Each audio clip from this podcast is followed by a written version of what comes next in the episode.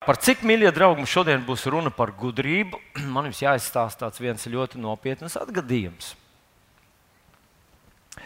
Kādā augstskolā, nu, dekāna kabinetā, sanākusi visas fakultātes vadība. Un cienījams dekāns vada sapulci un runā tur. Un pēkšņi, pēkšņi sapulcē pa vidu, pēkšņi pum, milzīgs zipsnis telpa piepildās ar debesu atmosfēru, tādu dūmaku, un parādās eņģēlis. Un eņģēlis uzrunā dekānu un saka, par tavu pašaizliedzīgo darbu, par tavu priekšzīmīgo piemēru visiem studentiem. Tas kungs grib tevi atalgot. Izvēlies no trijām lietām, ko tu vēlies, un to tu dabū. Dievs tev piedāvā gudrību, ne, bagātību, gudrību un skaistumu. Ievērojat? Bagātību, gudrību un skaistumu. Pēc jūsu acīm es redzu, ka cilvēki lauza galvas. Tad, ko izvēlēties? Ko izvēlēties?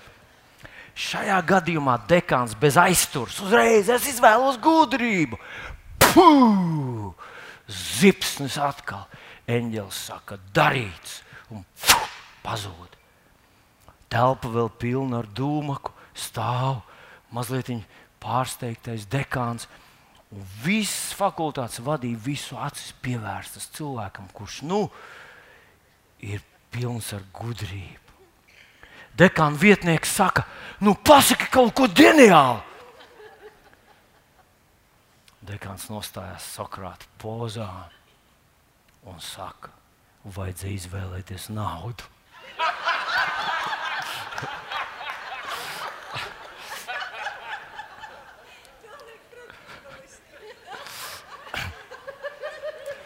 Ziniet, es uzdodu jautājumu sev. Cik no šeit klātesošiem jums jau pietika smadzeņu, lai uzreiz pateiktu, gribu naudu?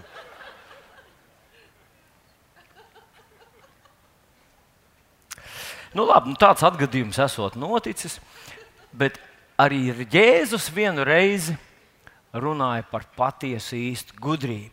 Un tagad ievērojiet, mīļie draugi, Tās parasti mācītāji no tā cenšas izvairīties, lai tas tā notiktu. Bet nu, mums tā ir sanācis. Un es ticu, ka kaut kādā mērā tas ir Dieva pirksts, jo raksturvieta, kur es tagad gribu jums nu, pieminēt un nocitēt, jūs jau esat šorīt dzirdējuši. Tā ir Mateja Evanģelijas 6. nodaļa, 33. pāns. Mēs runājam par to iepriekšējā svētdienā. Tie ir Jēzus vārdi, kur viņš saka tā. Iepriekšējā nodaļā, iepriekšējā šajā pašā nodaļā viņš runā par to, ka jums nebūs zudīties un sacīt, ko ēdīsim, ko dzersim, ar ko, ko mugurā vilksim, kur gulēsim. Par visu to rūpējas pagānu tautas, visas pārējās tautas, visi pārējie cilvēki. Tas viņu dzīves galvenais mērķis ir nodrošināt sev labklājību. Bet jums par to nav jāzūdās. Un es pie sevis domāju, ja Dievs būtu vienkārši teicis, jūs esat mani bērni, es jūs svētīšu, jums palīdzēšu tajos jūsu ikdienas izaicinājumos un cīņās, tas būtu daudz. Bet faktiski, ko viņš teica, es uzņemos šo smagumu. Kas ir jādara jums? Dzenaties pa priekšu pēc debesu valstības un pēc viņa taisnības. Tad jums visas šīs lietas tiks piemestas. Gadījumam vienkārši, ja kāds pārprot, ko es cenšos pateikt, un ko vispār šis raksts saka, te nav teikts. Te nesatraucies vairs par to, ko tu ēdīsi, un ko tu dzers, un ko tu vilksi mugurā. Dievs par to satraucās. Tur tā nav pateikts. Tur ir teikts, ka pirmkārt dzenies pēc viņa lietām. Tas nozīmē, ka ka tev kaut kāda uzmanība jāpievērš tām lietām, ko tu ēdīsi, ko tu dzersi un ko tu mugurā vilksi, kur tu dzīvosi. Bet tā nebūs prioritāte. Tas nebūs pats galvenais, par ko tu cīnies, par ko tu eh, domā, par ko tu plāno. Nu, prioritātes ir ļoti no svara Dieva valstībā. Kas ir tas galvenais? Kas ir tas svarīgākais tavā dzīvē? Ja tu savā dzīvē dzenies pēc Dieva valstības, ja tavas attiecības ar Dievu tev ir svarīgākas par visām citām lietām, viņš teica, tās citas lietas tev atnāks vieglāk. Viņš saka, es par tām gādāšu. Tās būs kā piemetamā daļa. Es vēl atceros senos padomu laikus, kad viens mācītājs par to runāja. Un tad viņš teica, tā, kad jūs aizējat uz veikalu pirkt kurpes, jūs izvēlaties kurpes un samaksājat par kurpēm. Bet jūs zinat, ka kaut kas nāks kurpēm līdzi. Es nezinu, tagad nevienmēr droši vien nāk līdzi. Tagad kādreiz iedod vienkārši rokā tev kurpes un paņem. Bet padomu laikos, tas vecajos laikos, vienmēr līdzi nāca kastīte. Tā bija tā piemetamā daļa. Nu, lūk, šeit, šajā dievišķajā gudrībā, Jēzus saka, ka ir cilvēki, kuri dzenās. Tā ir viņa dzīves galvenā lieta, nodrošināt sevi. Un tam viņi ir gatavi vērsties pie Dieva. Viņi ir gatavi lūgt, un ticēt un apliecināt, lai nodrošinātu sevi. Bet viņš saka, jūs tā ne! Jūs dzenaties vispirms par Dievu lietām tad viņš tās pārējās lietas, pēc kurām visa pasaule dzēnas, jums piemetīs. Tā ir gudrība. Ne visiem saprotama, bet Jēzus mums to stāsta, ka tā ir gudrība. Paklausieties, kā apstults Pāvils runā par šīm pašām lietām pirmajā vēstulē korintiešiem, 9. nodaļā. Kas tad iet karā ar savu maizi? Kas dēsta vīna dārzu un nē tā augļus? Jeb kas gana lopus un nebauda viņu pienu? Vai es to runāju tikai pēc cilvēku domām, jeb vai pati bauslība to nenosaka? Jo Mūzes bauslībā rakstīts, tev vērsim, kas min labību, nebūs purnu aiziet. Vai tad Dievs te runā par vēršiem? Pāvils mums cenšas paskaidrot, ka šis princips, ja tu cīnies manas cīņas, es karoju tavus karus, viņš ir vecs kā pasaule. Tas nav kaut kas, kas ir sācies ar Jēzu. Tas bija jau ilgi pirms tam. Ja tu ej Dieva uzdevumā, viņš gādā par tavu dzīvi. Un tad viņš saka, karavīrs iet karā, neņem maizi līdzi. Tas, kurš ir stāda vīnu dārzu, viņš zina, ka viņš ēdīs tā augļus, un tad viņš piemin arī lopus. Bet paklausieties, mīļie draugi! Lielākajā daļā kristiešu šis pāns paliek nema, nepamanīts. Jā, jā, mēs jau izlasām gan dzenies pēc debesu valstības, tad tur taps piemests, bet nevienam tā īsti tā aizķeršanās uz to piemetamo daļu nu, nu, nu, nu, vismaz man, pēc maniem novērojumiem, neko lielu cilvēku no tā neiztaisa, tādā vecā valodā runājot. Un tad mums ir tāds teiciens, ko visi ļoti labi zina un domā, ka viņš ir zināmā mērā pareizs. Nu, kad kādam cilvēkam jautā, nu, kā tu tev iet, un viņš atbild, nu, dzīvoju no dieva žēlastības. Ko tas nozīmē? Ka iet švaki. Pareizi? Pareizi? Jā, tas stereotips mums visiem tāds ir. Nu, jā, nu, karā neviens neiet ar savu maizi, un gan jau Dievs rūpējas par tiem, kas viņam kalpo. Bet cik biezs tas maizes rieciens ir Dieva virtuvē? Kā jūs domājat? Vai jūsu apziņā arī tā ir? Ka tas ir mazs un plāns un sviestiņš tur tikai svētdienās. Paklausieties, mīļie draugi, es gribētu, lai jūs šodien paskatieties, ko tad patiešām Dieva vārds saka. Jo mums jau neinteresēs cilvēku stereotipi un kaut kāda aizsprieduma. Mēs gribam zināt, kas ir patiesība. Un patiesība ir tāda. Piemēram, 5. mūža grāmatā, 8. nodaļā, Dievs uzrunā savu tautu ar tādiem vārdiem: kad jūs būsiet aizgājuši uz to zemi, kur ir ūdens kritumi, kur ir tas un tas, un viņš apraksta tur vis visādi. Un tad viņš teica, tās zemes kalnos ir vārš un vēl viss kaut kas tur ir. Un tad viņš saka, jūs būsiet uzcēluši namus un tajos dzīvosiet. Jūs būsiet iestādījuši vīnu dārzus un to augļus baudīsiet. Jums būs vairojušies sīkie lopi un lielie lopi, un lopi vispār vairojušies. Būs. Jūsu zelts un sudrabs bija jums būs vairojies un būs uzkrājies, un jūs būsiet ēduši un būsiet pēduši. Un neatmin, vai šajā vietiņā viņš saka, un būsiet apaļ palikuši, bet kaut kur tā arī ir rakstīts. Jūs būtībā aiziesiet uz to zemi. Jo, kad viņi ārā nāca no Eģiptes, viņi bija diezgan tādi asketiski no skata. Nu, kā mēs padomu laikos, atcerieties! Nu, un jums tas viss būs. Un tad viņš saka, nesakiet, ka tas ir jūsu roku spēks, kas jums to ir palīdzējis sagādāt. Ko viņš saka?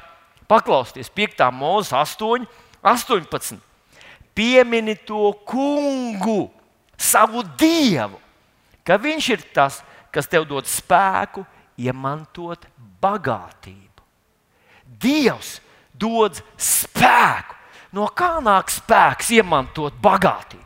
No kā nāk spēks un spēja un sapratne nopelnīt eiro, nopelnīt dolārus, nopelnīt īpašumus? No kā tas nāk? Kāds mums ir kaut kur iestāstījis, ka tas ir no vēlna. Vēlnam ir visas tās maņas un prasmes, kuras pasaule šodien tik ļoti apbrīno. Bībele mums saka, ka tas nāk no Dieva. Iebikslūs tam, kurš sēž tev blakus, saka, spēks sagādāt bagātību, nāk no Dieva. Vienu dienu Dievs uzrunāja man ar rakstvietiņu no pirmās laika grāmatas, 29. nodaļas, 12. pantu. Es esmu jums viņu stāstījis. Tas ir pants, par ko es vismaz reizi dienā, vismaz reizi dienā ņemu 15 minūtes un domāju, runāju to, atgādinu sev, pasakos par to. Un tas pants ir, un bagātība un gods nāk no tevis. Tu esi valdītājs par visu. Tavā rokā ir spēks un vara. Tava roka paaugstina un dara stipru. Viņš uzrunāja man ar šiem vārdiem, un bagātība un gods nāk no, no, no manis. Un es ticu, mīļie draugi, jums nav par mani jāsatraucas. Iebikstam, kurš sēž tev blakus, saka, par viņu nav jāsatraucas. Tas kungs teica, un bagātība un gods nāk no manis. Un, bag, un mana roka paaugstina un dara stipri. Atcerieties, Jānis 6,33. Viņš teica, ja tu dzīsies pēc manas valstības, es piemetīšu pārējās lietas.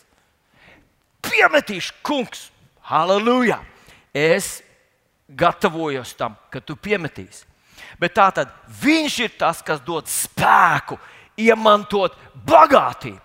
Un es esmu drošs, ka Dievs nešķiro savus bērnus. Vienam dod spēku, iemantot nabadzību, otram dod spēku, iemantot bagātību.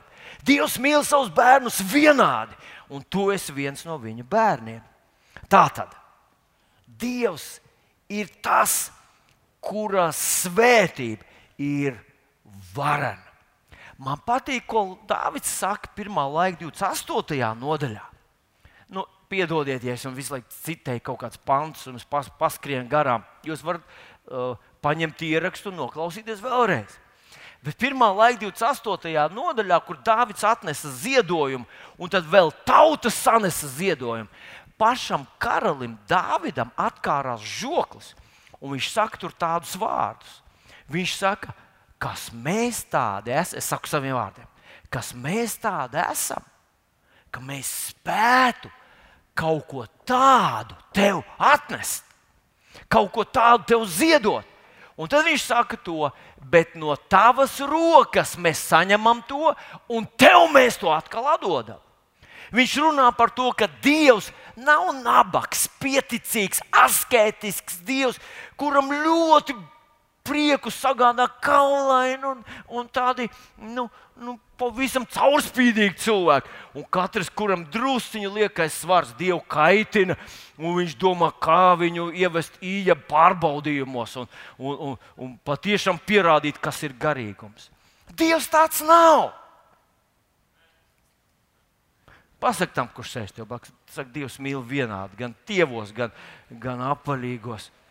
Viņam nav pretenzija pret to, ka tu, ka tu baudi dzīvi. Tā tad paklausieties, kas mēs tādi esam, ka mēs to visu būtu varējuši tev ziedot. Tas no tevis ir atnācis, un tev mēs to atdodam atpakaļ. Bet jaunajā derībā ir tāds, tāda rakstvietiņa, kur apelsīns Pēters uzrunā Jēzu un saka viņam tādus zīmīgus vārdus, kurus visi ļoti labi zina. Pēters uz viņu runā, redzi, mēs visu esam atstājuši un tev staigājuši pakaļ. Redzi, mēs visi esam atstājuši un tev staigājuši pakaļ. Un gandrīz katrs no mums zina kādu cilvēku, kuram mēs negribētu līdzināties, bet mēs domājam, ka tas cilvēks bija tik naivs un tik vientiesīgs, ka viņš atstāja visu, uzticējās Dievam un staigā viņam pakaļ vēl aizvien. Jo viņam nekā nav. Tas saskan ar tavu kalpu. Varbūt tu vārdos tā nesaki, bet kaut kā tāda iekšēja sajūta ir tāda, ka Dievs jau nesaprot mūsu cilvēkus. Dievs tā kā viņam viss ir debesīs, viss ir garīgs, viss ir svēts, viss ir brīnišķīgs, pielūgšana, slavēšana, vārda studijas, lasīšana. Bet mums šad un tad gribas ēst. Un gribas uzvilkt kaut ko tīru, jaunu, gribas aizbraukt kaut kur. Mums it kā ir tāds absolūti cilvēcīgas kaut kādas tādas vēlēšanās un, un ilgas, kuras mums kādreiz kauns ir pateikt. Es nekad neesmu dzirdējis, ka kāds būtu iznācis priekšā un teicis, aizlūdziet, mācītāji, mēs gribam aizbraukt ceļojumā ar ģimeni. Nereiz! Vai to var lūgt Dievam? Vai var lūgt Dievam, ka man ir apriebusies mana svētītā veļas mašīna, sarūsējusi, tek, bet strādā? Kā lai es no viņas tieku vaļā? Nekad es neesmu dzirdējis tādu aizlūgšanu. Cilvēki pamatā nu, lūdzu par dziedināšanu, par radinieku, par, par jā, lai es varu gavēt vai kaut ko tamlīdzīgu. Bet neviens nekad nav uzdrošinājis nākt, nu, vismaz manā, varbūt citās draudzēs ir savādāk. Vismaz šeit neviens nav pateicis, tā gribas dzirdēt, tur par to, tur pieminēja par to Sicīlijā.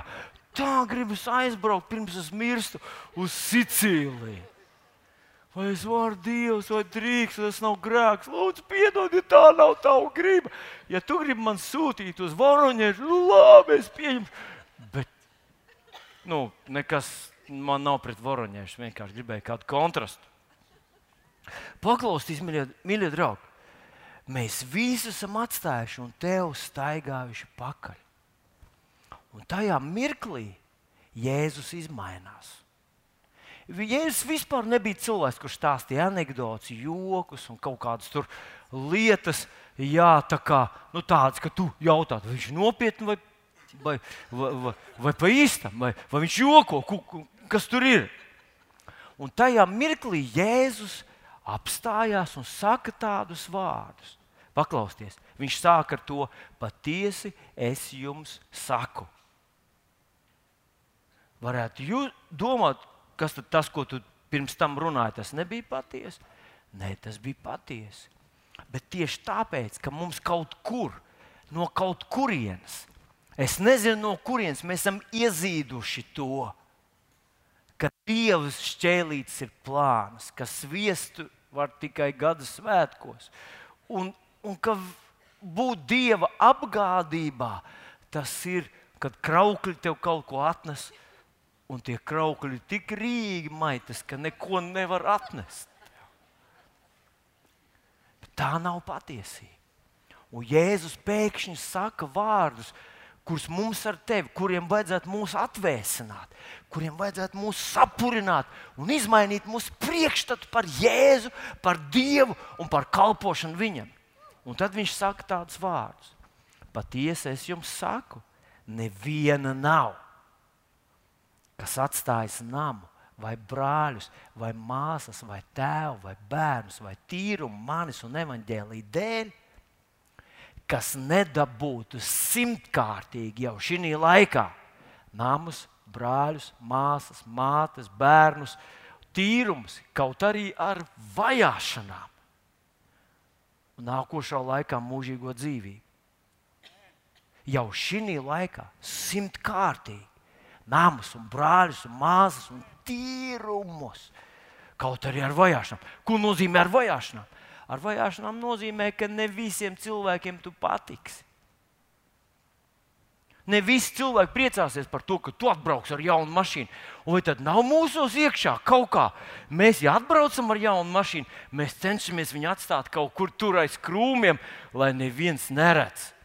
Un, ja kāds pienāks, vai tev ir jauna mašīna, tu teiksi, nē, nav jauna. Nā, jau pagājušā nedēļa jau, nu, jau nopirka, jau veca, jau palikusi. Kaut kas mūsos tāds ir, un jo īpaši kristiešos.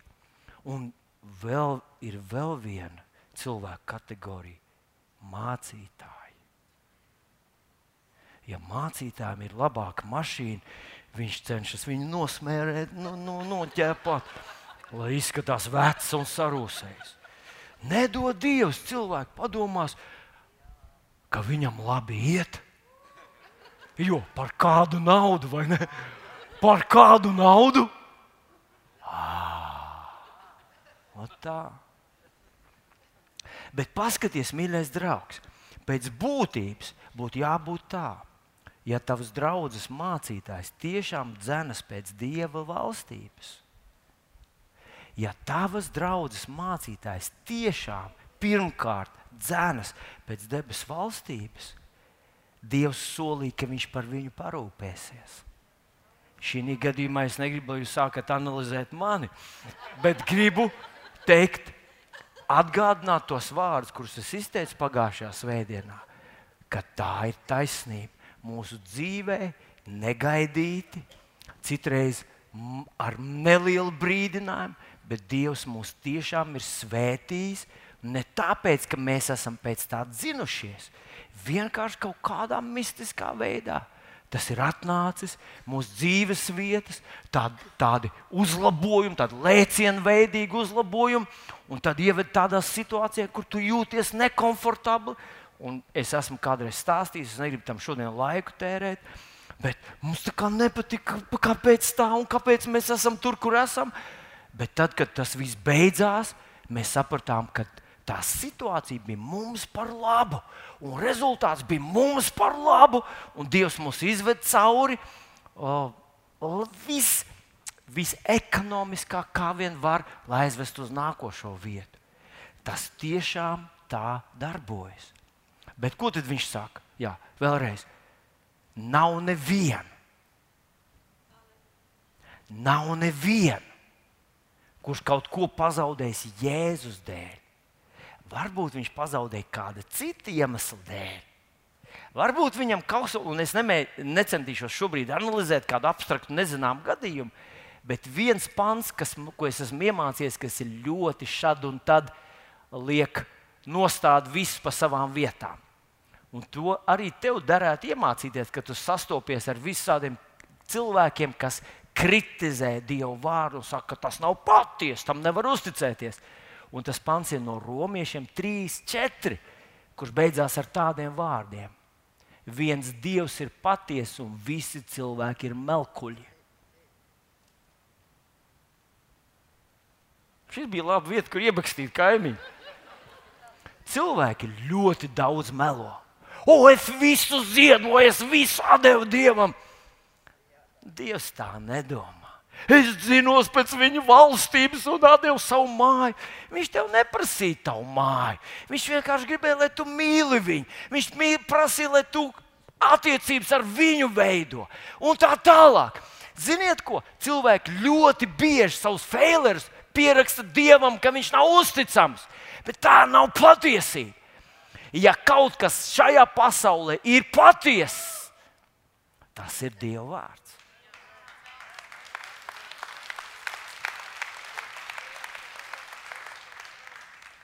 Neviena nav. Neviena nav, Jēzus saka, neviena nav, kurš manis dēļ kaut ko būtu atstājis. un nedabūt atpakaļ jau simtkārtīgi ar visu opozīciju, ar visiem nelabvēliem, ar visiem tiem, kas stāv ceļā un saka, ka tu izgāzīsies un tev nesanāks, kas saka, ka tu neizskaties pēc veiksmīga cilvēka, kas saka, ka tev pieredze pa šauru, auss pa lielu, deguns par garu. Tādi kā tu nevar būt veiksmīgi. Jēzus teica, neviena nav, kurš kaut ko pazaudējis manis dēļ kurš nedabūtu to atpakaļ simtkārt jau šeit, jau šeit. Bet, mīļie draugi, tas ir apsolījums. Tas ir apsolījums. Tas nedarbojas automātiski. Tas ir apsolījums, kur Dievs tev ir devis. Un tu vari to paņemt, tu vari tajā dzīvot. Tu vari patiešām priecāties par to, ka tas kungs ir uzticams. Viņš ir drošs apgādnieks, viņš ir īsts tēvs, viņš ir īsts dievs, viņš zina, ko tev vajag. Tas turpat bija Matejs 6,33. Viņš zina, ko tev vajag. Tev nav viņam jāstāsta, ko tu gribi. Viņš gādā par tevi. Tikai dzenies pēc viņa valstības pirmām kārtām, un tās pārējās lietas tiks piemestas. Halleluja! Tiks piemestas. Dosim aplausu tam kungam! Neviena nav. Nav neviena cilvēka, kurš ir pārspējis Dieva došanā. Nav tāda cilvēka. Ir daudz cilvēku, kas domāja, ka ir pārspējuši, ir daudz cilvēku, kas nav rēķinājuši līdz ko ir darījuši. Bet Dievs ir ļoti, ļoti, ļoti dāsns Dievs. Un ja tava, tavi stereotipi ar to nesaskan, izmaini viņus. Ja tava koncepcija ir aplama, izmaini viņus. Ja tava ticība ir savādāka, izmaini to šodien. Neļauj, lai tava aplamie priekšstati ierobežo Dievu tavā dzīvē. Jo Dievs ir ļoti dāsns, ļoti uzticams, ļoti konkrēti. Viņš mīl tevi un gādā par katru, kas viņam uzticās. Un mēs saprotam, ka šos apsolījumus nevar iegūt automātiski. Mēs tos iegūstam ticībā. Saka, ticībā, ticībā, halleluja, ticībā, ticība. Un divi panti, kur ir palikuši, kurus gribu šodien jums uh, likt priekšā, lai drusciņi uh, padomātu par to, nu, ko tad, kas tad, vai atgādināt to, ko, ko mēs darām ticībā. Ebrejiem 11.3 uzrakstīts, jo ticībā mēs saprotam, ka pasaule ir radīta Dieva vārda spēkā. Tas ir tas vārds, kas ir apsolījums. Pasaule ir radīta Dieva vārda spēkā, ka no neredzamā cēlies ir redzamais. Ko tad faktiski mums šis pāns saka? Šis pāns mums saka, ka ticībā mēs ielūkojamies sfērā, kas nav redzama mēs ielūkojamies tajā un darbojamies tajā sfērā, kas nav fiziskām maņām, fiziskai redzēji, fiziskam vērtējumam, nav aizsniedzama. Mēs tātad ar ticības acīm redzam to, ko mēs nevaram redzēt ar savām fiziskajām acīm. Bet vēl viena ļoti interesanta lieta ir, ka no neredzamā, no tās sfēras, kur darbojas ticība, rodas redzamā. Neredzamā ir tā, ja, ja tā drīkst nosaukt tādās kategorijās, mēs runājam šodien un rītdien, tad neredzamā ir rītdiena, kur būs pie tevis vai tava realitāte rīt. Fiziskajā mēs reaģējam uz notikumiem, kas ir šobrīd. Mēs vienkārši reaģējam uz tiem apstākļiem un notikumiem, kas mums ir tagad. Bet ticība ielūkojas un veido rītdienu, jo viņa darbojas tajā sfērā, kas šodien nav redzama, bet kas ir rītdiena. Citiem vārdiem, kad es paņemu dieva apsolījumu un es par to meditēju, es to runāju, es tajā veidoju to kā lēcu, caur kuru es skatos uz savu dzīvi, skatos uz savu rītdienu, es formēju savu rītdienu. Tas ir tas, ko Abrahams darīja. Kad Dievs viņam teica, tu esi daudzu tautu tēvs, viņš nedomāja par saviem trūkumiem. Viņš neskaitīja dienas, cik vecs jau viņš ir. Viņš neanalizēja visu laiku sāras izmaiņas viņas ķermenī. Viņš pieņēma Dieva apsolījumus. Viņš pieņēma to vārdu, kura spēkā ir radīta pasaule. Saprotat, ar ko viņš darbojas? Viņš nedarbojas ar Bībeles zelta pantiņiem, kur svētdienas skolā atskaitīti skolotāji. Viņš darbojas ar vārdu, kurā ir tāds spēks, ka tas radīja pasauli. Un lietojot to, viņš formēja rītdienu. Un agrāk vai vēlāk tai rītdienai bija jākļūst par realitāti. Tāpēc, kad mēs ar tevi vienkārši dzīvojam fiziskā pasaulē, mēs vienkārši skatāmies apkārt, taustam, redzam, garšojam un saužam un sakam, lietas ir tā, kā ir. Mēs paliksim parasti visu savu dzīvi. Bet, ja mēs paņemsim Dievu vārdu un padarīsim to par mūsu ticības instrumentu, ar kur mēs veidosim savu nākotni, tad tā nākotne, kur tu veido ticībā, vienā dienā kļūs par tagadni, kļūs par realitāti. Tāpēc tas ir tik ļoti vēlnam naidīgi un, un biedējoši, ka tu sāc ticībā dzīvot. Ne sajūtās, ne tajos savos, savā pieredzē, savos aplamojos stereotipos. Bet tu sāc respektēt Dievu vārdu vairāk nekā visu redzamo, jo tā ir tās lietas, kas atnāks rīt. No neredzamā ir cēlies redzamais. Pasak man, kam tu tici. Pasak man, ko tu savā sirdī tici un ko tu runā. Un es pateikšu, kas ar tevi rīt notiks. Ja tev sirdī nesā ticība par to, ka nesanāks tev, neizdosies tev, iespējams, tavs dzīves draugs tev pametīs, iespējams, šis vai tas notiks tavā dzīvē slikts, iespējams, tev nospers to jauno mašīnu, ko tu tikko nopirki, un tu to nesā savā sirdī un tu to izrunā.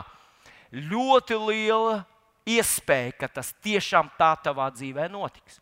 Ja tavā sirdī nav nekādas ticības, tu vienkārši dzīvo tā kā, nu, tā kā, nu, tā, tā kā nu, ko redzu, to dziedu, saka, ko redzu, tam ticu, tad tomu ticību. Tad mēs nezinām, kas notiks. Bet es zinu, ka Elle ir atraisījusi konkrētus spēkus, lai tev tavu dzīvi sačakarētu un radītu situācijas, kurās tu vari vilties Dievā vilties ticīgajos, vilties draudzē, vilties viņa vārdā. Viņš darīs visādas intrigas, lai tevi pieviltu. Bet, ja tavā sirdī ir stipra ticība Dieva vārdam, un ja tu to nesā, ja tu nesā šo ticību savā sirdī, ja tu saki, es zinu, Dievs rūpējas par mani, es zinu, Viņš man devis apsolījumu, ja es dzenos pēc attiecībām ar Dievu, ja Viņš man ir svarīgākais, Viņš parūpēsies par mani, Viņš atvērs durvis, kad šīs durvis aizvērsies, Dievs atvērs nākošās, kad kaut kas beigsies, sāksies kaut kas jauns, kad kaut kas nesanāks, noteikti sanāks kaut kas cits. Ja tu to nesās savā sirdī, tad tas tieši tas arī notiks. Tas var paprasīt kaut kādu laiku, bet tu veido īstenībā, ticībā, tu veido savu rītdienu. Un tas ir tas, ko Dievs tev ir piešķīris. Neklusē, ne, nevaiksties, neguli. Strādā, lieto Dievu vārdu, veido savu dzīvi, iespaido apkārtējo dzīvi, ietekmē, nevis pielāgojies, bet ietekmē. Un tagad pēdējais pantiņš, Jā, ticība ietekmē neredzamo. Pēdējais, kā man gribas apstāties, un ļoti gribētos, lai, lai mums ar tevi izdotos to nu, tā vēl pilnīgāk saprast. Tie ir Jēzus vārdi no Jāņa 5,44. Kā jūs varat kļūt ticīgi? Cits no cita godu pieņemdam, bet nemeklējam godu no vienīgā uh, Dieva. Un par ko tu tur runā? Tagad? Kā jūs varat kļūt ticīgi, cits no cita godu pieņemdam, bet nemeklējam godu, kas nāk no vienīgā Dieva? Ko nozīmē meklēt godu no cilvēkiem? Un tas nozīmē, es, es mēģināšu tā īsi pastāstīt. Es esmu uzaugusi tajā laikā, kad neviens īpaši par taviem sasniegumiem nepriecājas. Man neviens nesūtīja uz treniņu, man nesūtīja uz dēļu nodarbībām, zīmēšanas nodarbībām. Ja es kaut kur aizgāju, tas bija mans lēmums, un neviens par to nepriecājās. Šodien mēs dzīvojam citā laikā. Es gāju uz Krievu dārziņu. Krievu, tāpēc, ka Latviešu dārziņā nebija vietas. Es iemācījos uh, Krievu valodu ļoti agri, bet es nu, nesajūtu nekādu personīgu kontaktu. Visapkārt man bija bērni, kas runāja svešā valodā, man bija audzinātājs, kas runā svešā valodā. Man vienkārši vajadzēja izdzīvot līdz nedēļas beigām, kad es atkal tiku uz mājām. Jā, es biju nedēļas bērngārzā. Nu, vai es sūdzos? Nē, bet paklausieties. Ziniet, ko, ko tas manī radīja? Es varu iet savu ceļu, bez tā, ka kāds man aplaudē, un kāds saka, cik tu brīnišķīgs, kā tev viss padevās, vai dieniņ, tu esi labākais no visiem, tu esi vislabākais. Šodien mēs dzīvojam pavisam citā realitātē. Bērns aiziet uz bērnu dārzu, un skolotāji viņam skrien pretī, apskauj, saka, tu esi vislabākais, tu esi viskaistākais, visgudrākais, visbrīnišķīgākais. Vai, vai. Pat bērns varbūt atver acis no rīta tikai un saka, vai tu esi brīnišķīgs, eņģelīts un princese. Un, un, un, un, un, un. Evi, jau tev kādreiz nosauc mājās par princesi? Par darbu sievieti, varbūt nosauc. nu, tas bija cits stereotips, nu, cits piemērs bija. Bet paklausieties! Iespējams, ka šodien mēs tik ļoti, nu, es runāju par jaunāku, tik ļoti pieraduši pie tā, ka cilvēkiem mēs patīkam, ka izdarīt kaut ko nepatīkamu ir ļoti, ļoti grūti. Nu, paklausieties, Lūkas 6, 26. Vai jums, ja visi ļaudis jums saka glaimus, to pašu viņi darījuši viltus praviešiem?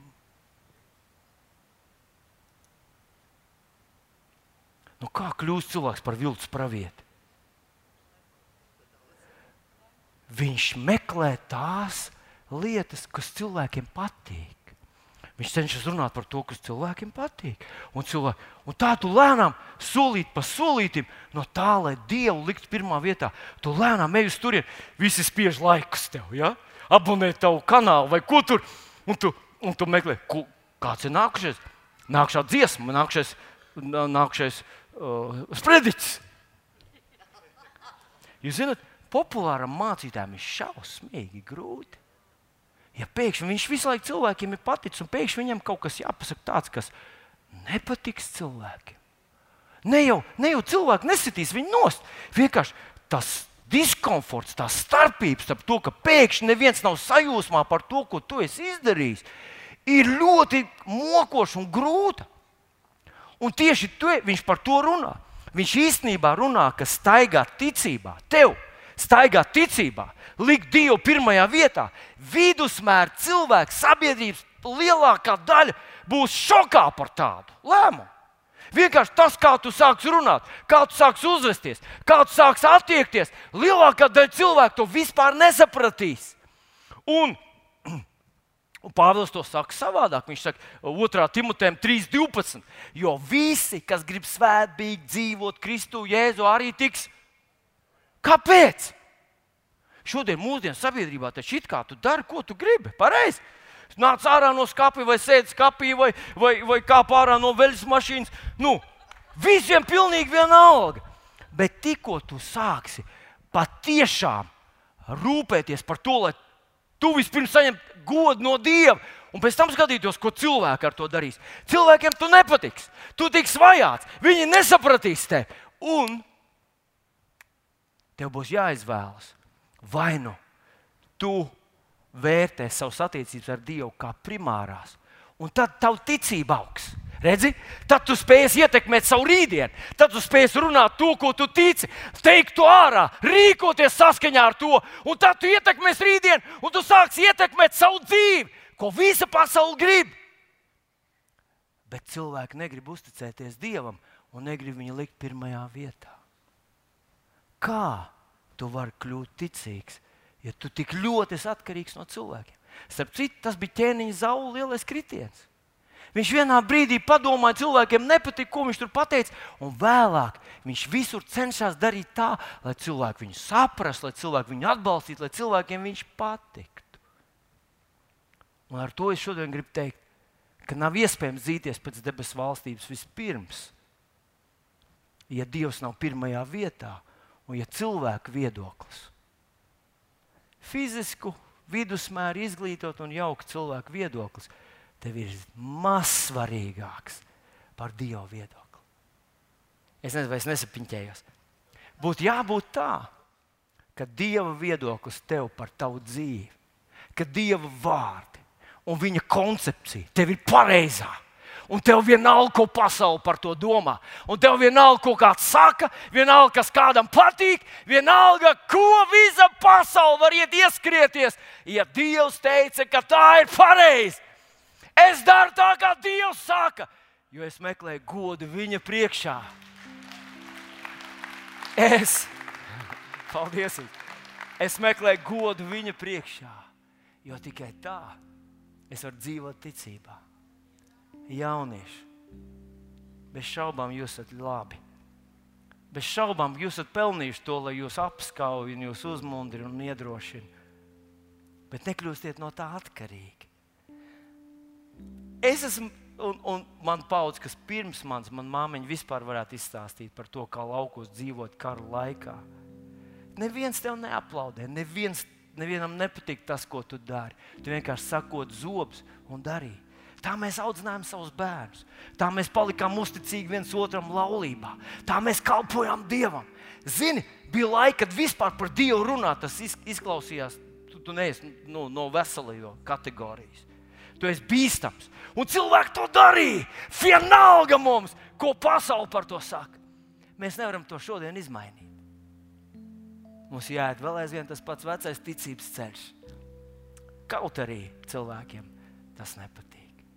Jo tu esi piedzimis, tu esi radīts, tu esi izveidots, lai tu ietekmētu lietas. Tu ietekmētu lietas lietot savu ticību, ietekmēt savu dzīvi, savu bērnu dzīvi, savas valsts dzīvi. Tu ietekmē savus draugus rītdien, tu ietekmē savus pilsētas rītdien. Tev nav jāstaigā pa pilsētas ielām, turpinot, cik viss ir slikti un nolaists. Tu runā ticības vārdus, un gala beigās dodies tu pats politikā. Kāpēc ne? Tu taču esi tāds cilvēks ar stipru uh, morālu stāju, ar tādu raksturu. Tev Dievs ir svarīgāks par visu. Tevi nenopirks, tevi neiezombēs, tevi neievilks nekādās afērās, vai ne? Nu, vismaz kādam mūsu vidū tādam jābūt. Un, ja tu liec Dievu vārdu pirmajā vietā, tu dzīvos ticībā. Hei, tu, es runāju par tevi. Vai tev nav apnicis, ka vēlns sastāv tavu dienas kārtību? Vai tev nav apnicis, ka tu īsti nezini, kas notiks, kāda būs rītdiena? Tagad viss runā par krīzi, vēl par kaut kādu pasaules galu, kas krīt virsū, nezinām, planētu 20. gadā. Vai tu plāno dzīvot pēc 20. gada? Es plānoju dzīvot pēc 20. gada. Aleluja! Es nezinu, kas ar mani notiks. Nu, tad varbūt līdz 20. neatdzīvos. Tā bija Dieva gudrība, kad viņš teica, dzenies pēc manas valstības, un es parūpēšos par tevi.